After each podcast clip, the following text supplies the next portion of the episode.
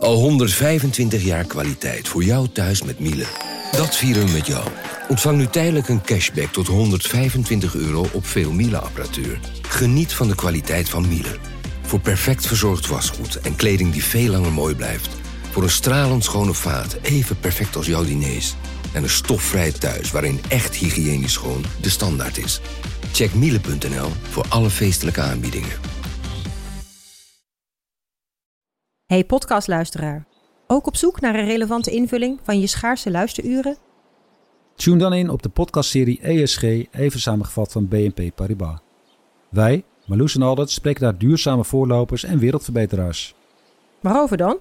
Nou, bijvoorbeeld of we ooit duurzaam kunnen gaan vliegen. En waarom koeien in de stad nou een goed idee is? Dat en meer elke twee weken in een nieuwe aflevering. Dus abonneer je.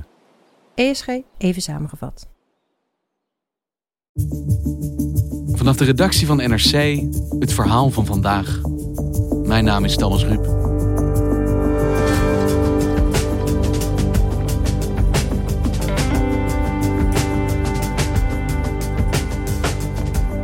De meeste werknemers in Nederland hebben een CAO. Afspraken over loon en pensioen die hen beschermen tegen de grillen van werkgevers. Maar hoe komen die afspraken tot stand? De onderhandelingen zijn vaak verborgen achter gesloten deuren. Maar verslaggever Christian Pelgrim kreeg toegang en zag hoe het spel aan de onderhandelingstafel wordt gespeeld.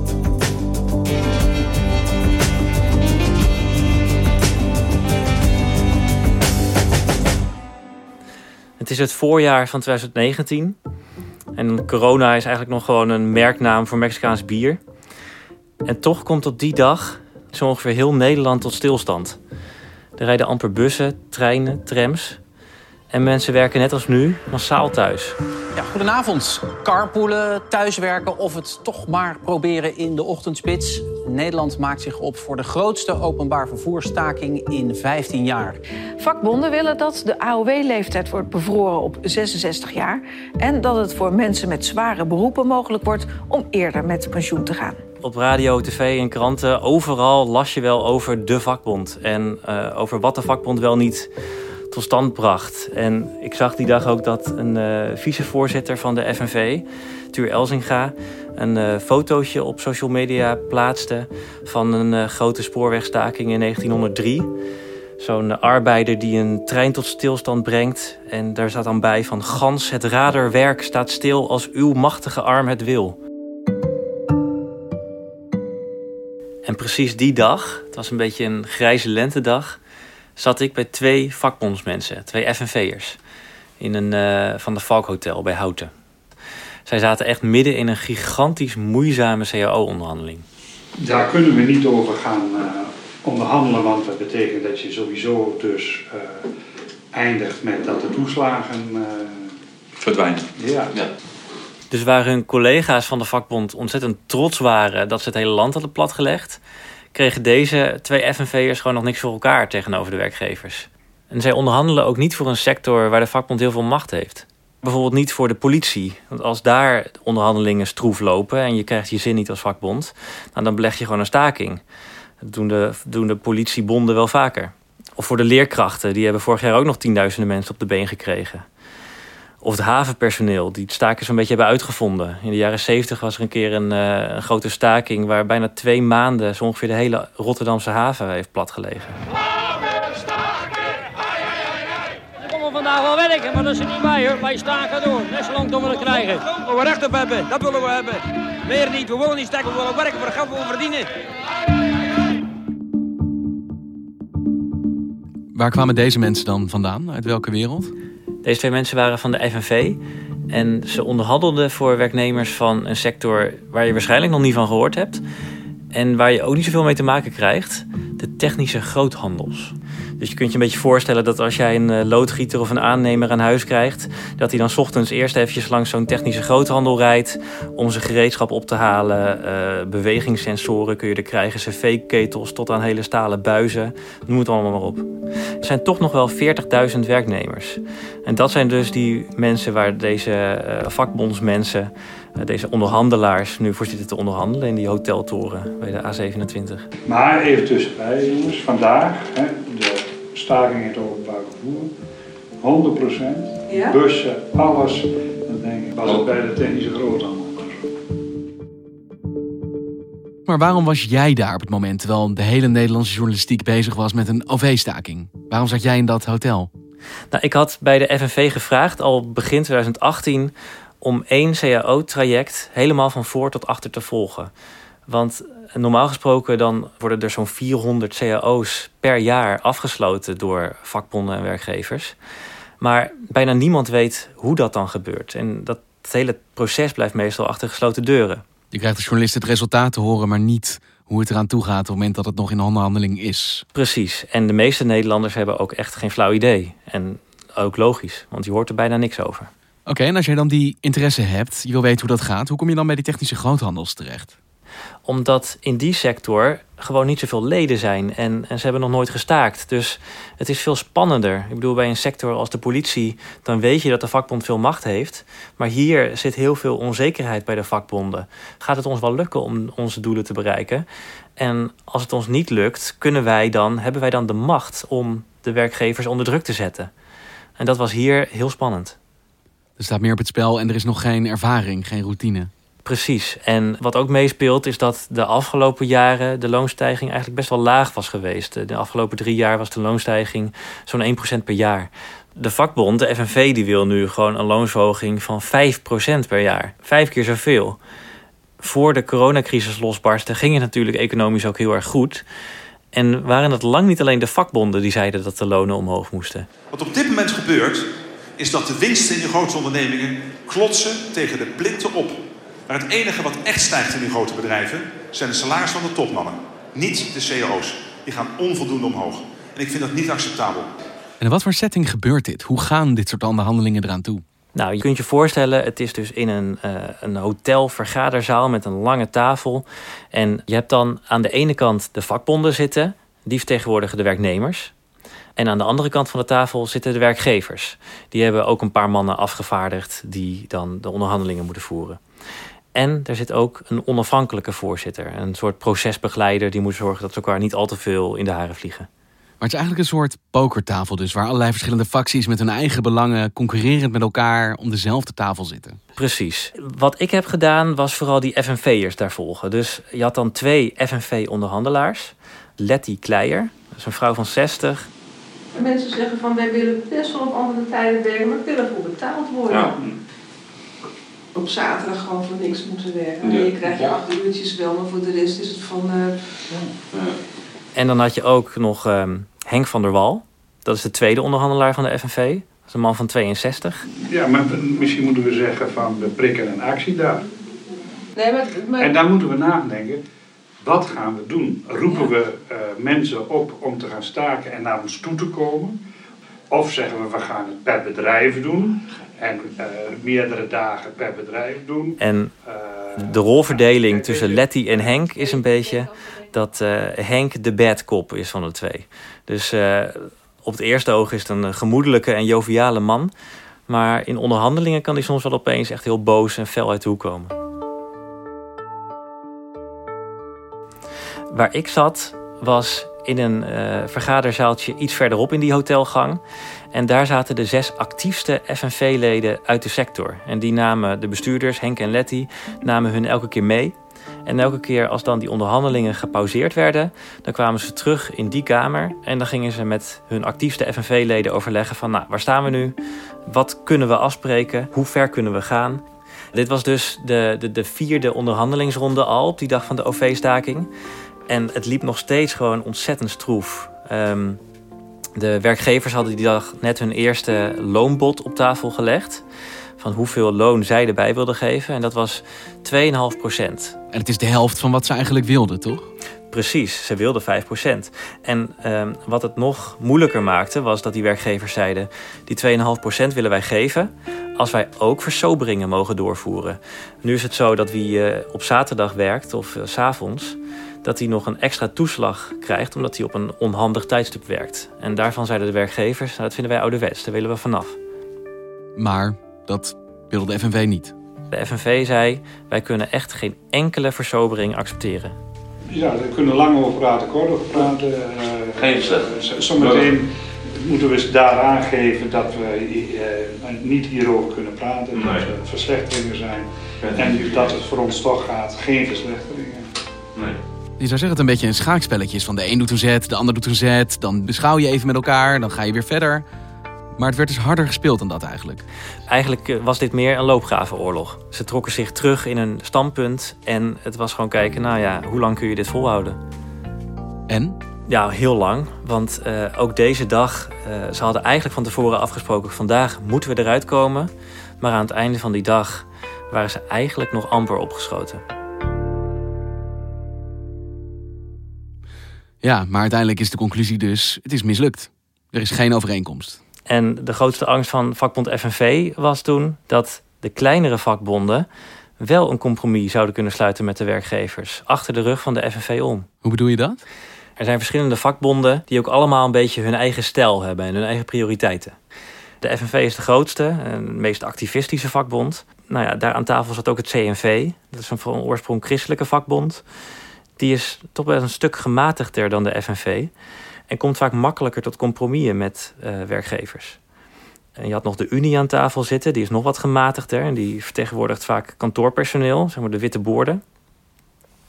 En je had nog het AVV aan tafel zitten. En dat is een bond die eigenlijk weinig leden heeft, bijna geen leden. En die de FNV altijd een nepvakbond noemt. Omdat ze akkoorden sluiten die de FNV eigenlijk altijd te mager vinden. Maar het is dus niet alleen de FNV tegenover de werkgevers, maar er is ook een soort concurrentiestrijd onderling tussen de vakbonden, die eigenlijk dezelfde belangen zouden moeten behartigen, toch? Ja, maar goed, zoals er verschillende soorten werknemers zijn, die soms ook verschillende wensen hebben. Bijvoorbeeld de, de fabrieksarbeider zal zich waarschijnlijk beter vertegenwoordigd voelen door de FNV. En zo'n kantoormedewerker eerder door de Unie. Oké, dus de FNV is dus bezorgd dat andere vakbonden misschien met de eer gaan strijken of misschien hun eigen belangen gaan doordrukken. En zijn die zorgen terecht in dit geval? Ja, werkgevers mogen gewoon uh, een CAO afsluiten met welke vakbond ze maar willen. Dus ze mogen best de FNV buitensluiten als ze dat willen. En andere vakbonden zijn ook wel meer geneigd om een compromis te sluiten met werkgevers. Dat zag je ook wel. En de FNV die wil gewoon bijna alles binnenhalen wat ze eisen. Dus je ziet dan ook dat Henk en Letty veel druk gaan uitoefenen op die andere bonden. En dat ze zelfs hun hoogste FNV-bestuur laten bellen met de CNV-voorzitter... om te zorgen dat ze op één lijn blijven met elkaar. Nadat er uh, overleg op topniveau geweest is met de voorzitters en gezegd is wij gaan die lijn volgen, moest ik hem donderdagsmorgens moest ik hem echt de arm op de rug draaien, dat hij daar klip en klaar zou zeggen dat hij uh, met uh, het, het FNV-standpunt meeging. En het gaat nog heel lang door met die gesprekken. Uiteindelijk gaat het nog door tot december vorig jaar. Dan zitten ze weer bij elkaar, weer in Houten, in het hotel. En ik ben er ook weer bij. En nou ja, er is eigenlijk niet zo heel veel veranderd inhoudelijk gezien. Sterker nog, uh, de werkgevers die hebben nu een nieuw voorstel geschreven wat ze bieden. En de aangeboden loonsverhoging is zelfs iets lager geworden. Die was 2,5% en die is nu 2,25% geworden. Oké, dus dat is onacceptabel. Als die 2,5 het al was, dan is 2,25 dat ook natuurlijk. Ja, en dit is iets waar, waar alle vakbonden, niet alleen de FNV, ook echt vol onbegrip over zijn. Hoe dit kan gebeuren.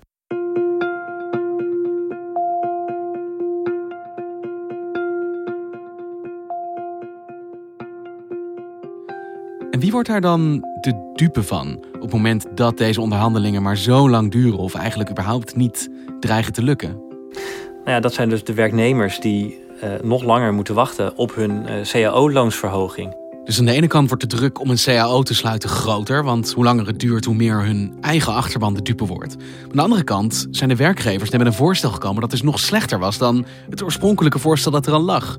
Wat doet de FNV dan? Ja, die vinden het helemaal goed geweest zo. Die hebben er genoeg van. En die zeggen dan aan het einde van die dag: wij zijn uitonderhandeld. Wij gaan weg van deze onderhandelingstafel. Oké, en dan? Het liefst zouden ze het, uh, het oudste en uh, krachtigste middel van de FNV uh, willen inzetten: staken. Het voordeel van een staking is: als je genoeg mensen op de been krijgt, dan kun je de bedrijven echt wel pijn doen. Maar het nadeel is Um, het is ook best wel moeilijk om te staken. Um, je vraagt nogal wat van werknemers. En geloof me, jullie zullen op het moment dat duidelijk wordt dat we gaan staken en zo, zullen jullie geen vrienden zijn met jullie directies.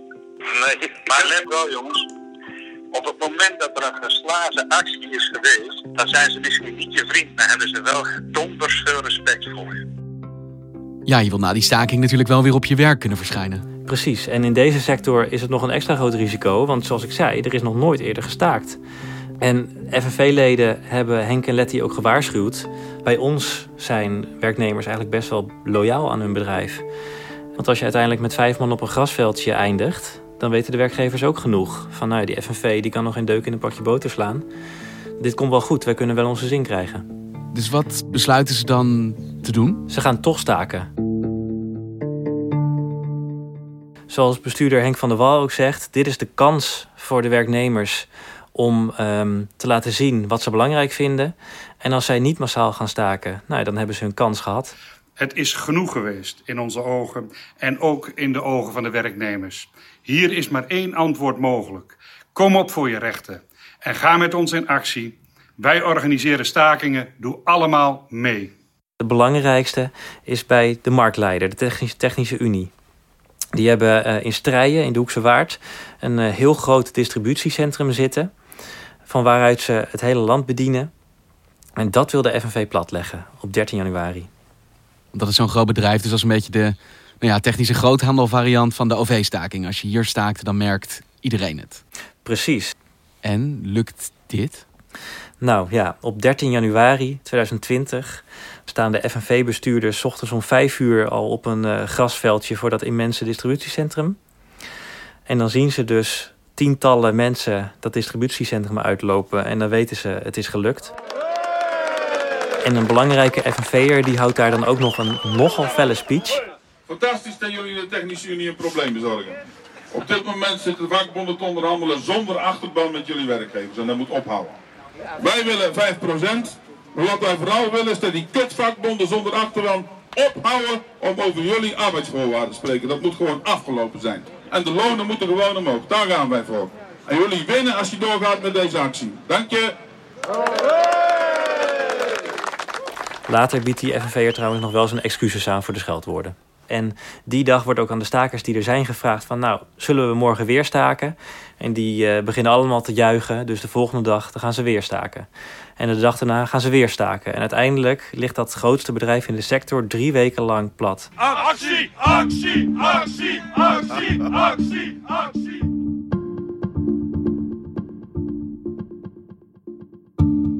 En ik snap dat het natuurlijk voor FNV een gigantische triomf is. Het is je gelukt en dit is natuurlijk ook in de hart waar een vakbond misschien wel voor is, staken. Maar heeft het ook succes? Levert het op wat ze willen? Namelijk een betere CAO in deze sector. Ja, je ziet dat die bedrijven echt wel geraakt worden door die stakingen. Uh, bij sommige bedrijven moeten de, de kantoorpersoneel tot aan de financieel directeur aan toe vrachtwagens gaan zitten inladen. De Technische Unie die wordt al helemaal hard geraakt en die merkt dat ook gewoon in de omzet.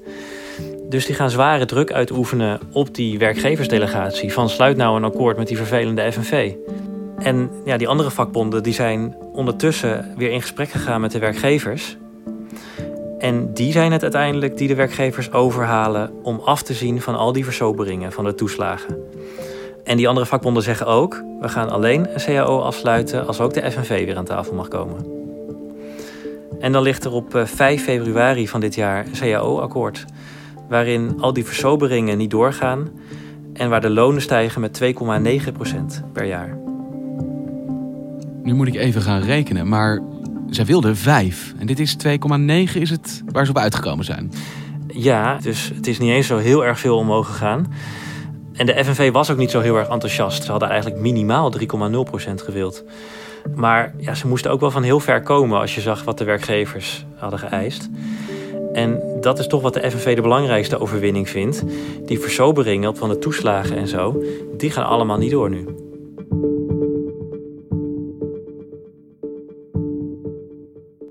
en waarom denk jij dat ze uiteindelijk toch hebben toegegeven? Is het toch die staking die zo ontzettend veel pijn doet voor een werkgever? Ja, dat heeft er zeker wel mee te maken. En dat is wat die andere vakbonden ook wel erkennen. Van zonder die stakingen uh, denken wij dat die, dat die werkgevers toch niet akkoord waren gegaan. Want dat heeft zo lang moeten duren. Maar goed, uiteindelijk hebben die andere vakbonden de doorbraak aan tafel geforceerd. Hey, wat heb jij hier als economieredacteur nou van geleerd? Dat je voor het eerst zo dicht op dit proces zat? Nou, wat ik vooral opvallend vond was uh, de grote verschillen tussen de vakbonden. Het verschil in stijl was eigenlijk nog groter dan ik zelf tot nu toe dacht. En ook hoe ontzettend belangrijk persoonlijkheden zijn in zo'n proces van onderhandelen. Dat als mensen elkaar persoonlijk niet echt mogen, dat dat, dat zo'n proces gigantisch beïnvloedt en het enorm kan vertragen. Want het is heel eigenlijk bijna gemeen om te zeggen, maar ik heb ergens bij een vakbond bijna een associatie met het verleden. Iets dat je eigenlijk bijna niet meer hoort en ziet. Maar is die macht van de vakbond nog steeds in leven? Heeft dat dit bewezen? Ik denk dat je hier ziet dat de vakbond probeert om levend te blijven in deze sector. Er zijn een paar sectoren waar ze nog uh, oppermachtig zijn, zoals we bij de politie en de havens. Maar in de andere sectoren um, doet de vakbond heel hard zijn best om relevant te blijven. En de beste manier om dat te doen is in ieder geval eens in de zoveel tijd te staken. Dat is in elk geval voor de FNV de manier om te laten zien: hé, hey, wij hebben nog macht. Dankjewel, Christian. Graag gedaan. Je luistert naar vandaag en we volgen de ontwikkelingen rond de corona-uitbraak natuurlijk op de voet. Zoals de zoektocht naar mogelijke behandelingen, waarin Nederlandse wetenschappers een belangrijke ontdekking lijken te hebben gedaan. Ik bel met wetenschapsredacteur Sander Voormolen. Hey Sander, ik begrijp dat Nederlandse onderzoekers een soort lichtpuntje hebben gevonden in de duisternis rond de coronabehandeling iets dat mogelijk helpt. Wat is dat nou precies? Ja, zij hebben uh, gekeken wat er gebeurt diep in de longen. Want uh, zoals je weet, uh, daar ontstaat een ernstige longontsteking. En dan krijg je dus allemaal veranderingen in de longen, waardoor mensen slechte adem kunnen halen. En wat het idee is, is dat het virus bindt zich aan een receptor in de longen, de ACE2-receptor. En die verdwijnt, doordat er zoveel virus is, verdwijnt die receptor. En dan komt er vocht in de longen. En waarom is dat een belangrijke ontdekking dat het via deze receptor gaat? Dit is eigenlijk een nieuw inzicht. Uh, en het geluk daarbij is dat er al een medicijn is dat tegen die vochtophoping werkt. Want dit gebeurt niet alleen bij coronapatiënten. Nee, er is een erfelijke ziekte, dat heet hereditair angioedeem. En die mensen hebben last van hetzelfde, gezwollen enkels of uh, vreemde vochtophopingen op allerlei plaatsen in het lichaam. En dit middel helpt daartegen. En helpt dat dan ook coronapatiënten die hier last van hebben? Nou, ze hebben het tot nu toe geprobeerd bij vijf patiënten. En van drie daarvan is al de uitslag. Na ruim anderhalve dag uh, konden ze weer wat beter ademhalen. Dus het lijkt wel te werken, maar het zijn natuurlijk nog maar heel weinig patiënten. Dus het is niet zo nu dat elke coronapatiënt op een IC nu dit middel toegediend krijgt. Nee, maar ze gaan het wel verder onderzoeken. En dan hopen ze dat dit natuurlijk een gunstige uitkomst heeft. Ja, dat het misschien wereldwijd de dodelijkheid van dat virus enigszins kan afzwakken. Ja, en misschien zelfs zo dat mensen die dus last krijgen van COVID, dat die dus kunnen voorkomen dat ze op de IC belanden door uh, op tijd dit middel te krijgen. Maar ja, of het gaat werken, dat moeten we nog zien natuurlijk. Dankjewel, Sander. Oké, okay, graag gedaan.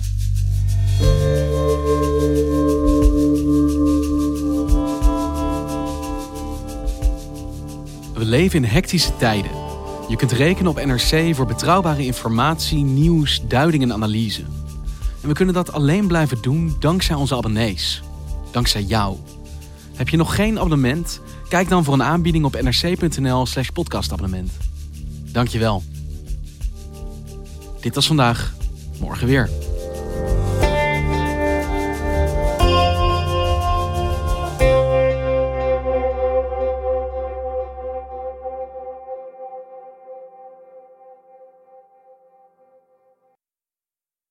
Technologie lijkt tegenwoordig het antwoord op iedere uitdaging. Bij PwC zien we dit anders. Als we de potentie van technologie willen benutten, kunnen we niet zonder een menselijk perspectief. Human-led, tech-powered noemen we dat. Ga naar pwc.nl.